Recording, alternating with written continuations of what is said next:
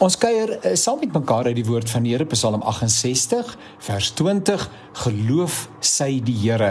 Dag na dag draai ons. God is ons hulp. Daai dag vir dag se ontmoeting en ervaring en belewenis en kontak met die Here. Dis die ding wat vir my in hierdie Psalm na vore tree. Dag na dag draai ons. God is ons hulp.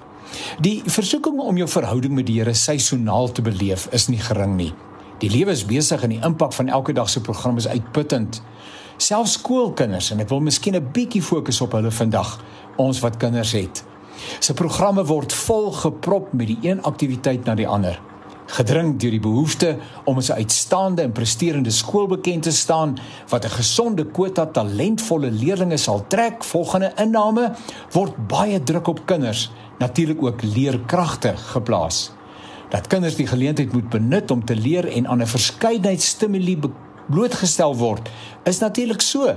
En is ook besonder as 'n skool in staat is om sy leerders op 'n wye front te stimuleer. Maar my oortuiging is dat veral presterende kinders te besig is. Benewens skoolaktiwiteite is dit privaat aanvullende klasse van allerlei aard.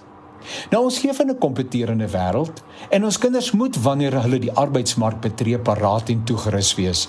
Daar is egter meer aan die lewe as prestasie.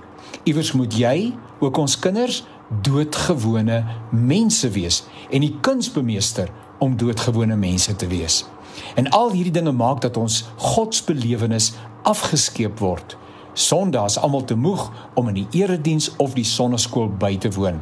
Huiswerk moet opgevang word en vir toetse moet daar voorberei word.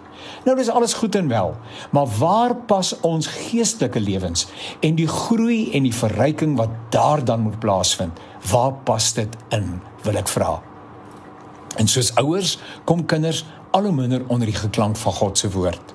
Hier en daar vind jy 'n skool wat nog 'n duidelike Christelike ethos het, maar die insidentele ervarings by die skool is nie genoeg om kinders geestelik paraat die lewe in te stuur nie. Die versoeking is groot dat God ook moet inpas by ons besige skedules. Troues en begrafnisse en ander so spesiale geleenthede konstateer die totaliteit van ons godsbelewing traumas van allerlei aard bring ons daarby om na hom te vra, maar net totdat die ongemak iets van die verlede is. En dan vervaag die ontmoetingsgebeure weer tot 'n volgende krisis opduik. Iets het verkeerd geloop by ons. Ons prioriteite is nie meer in plek nie.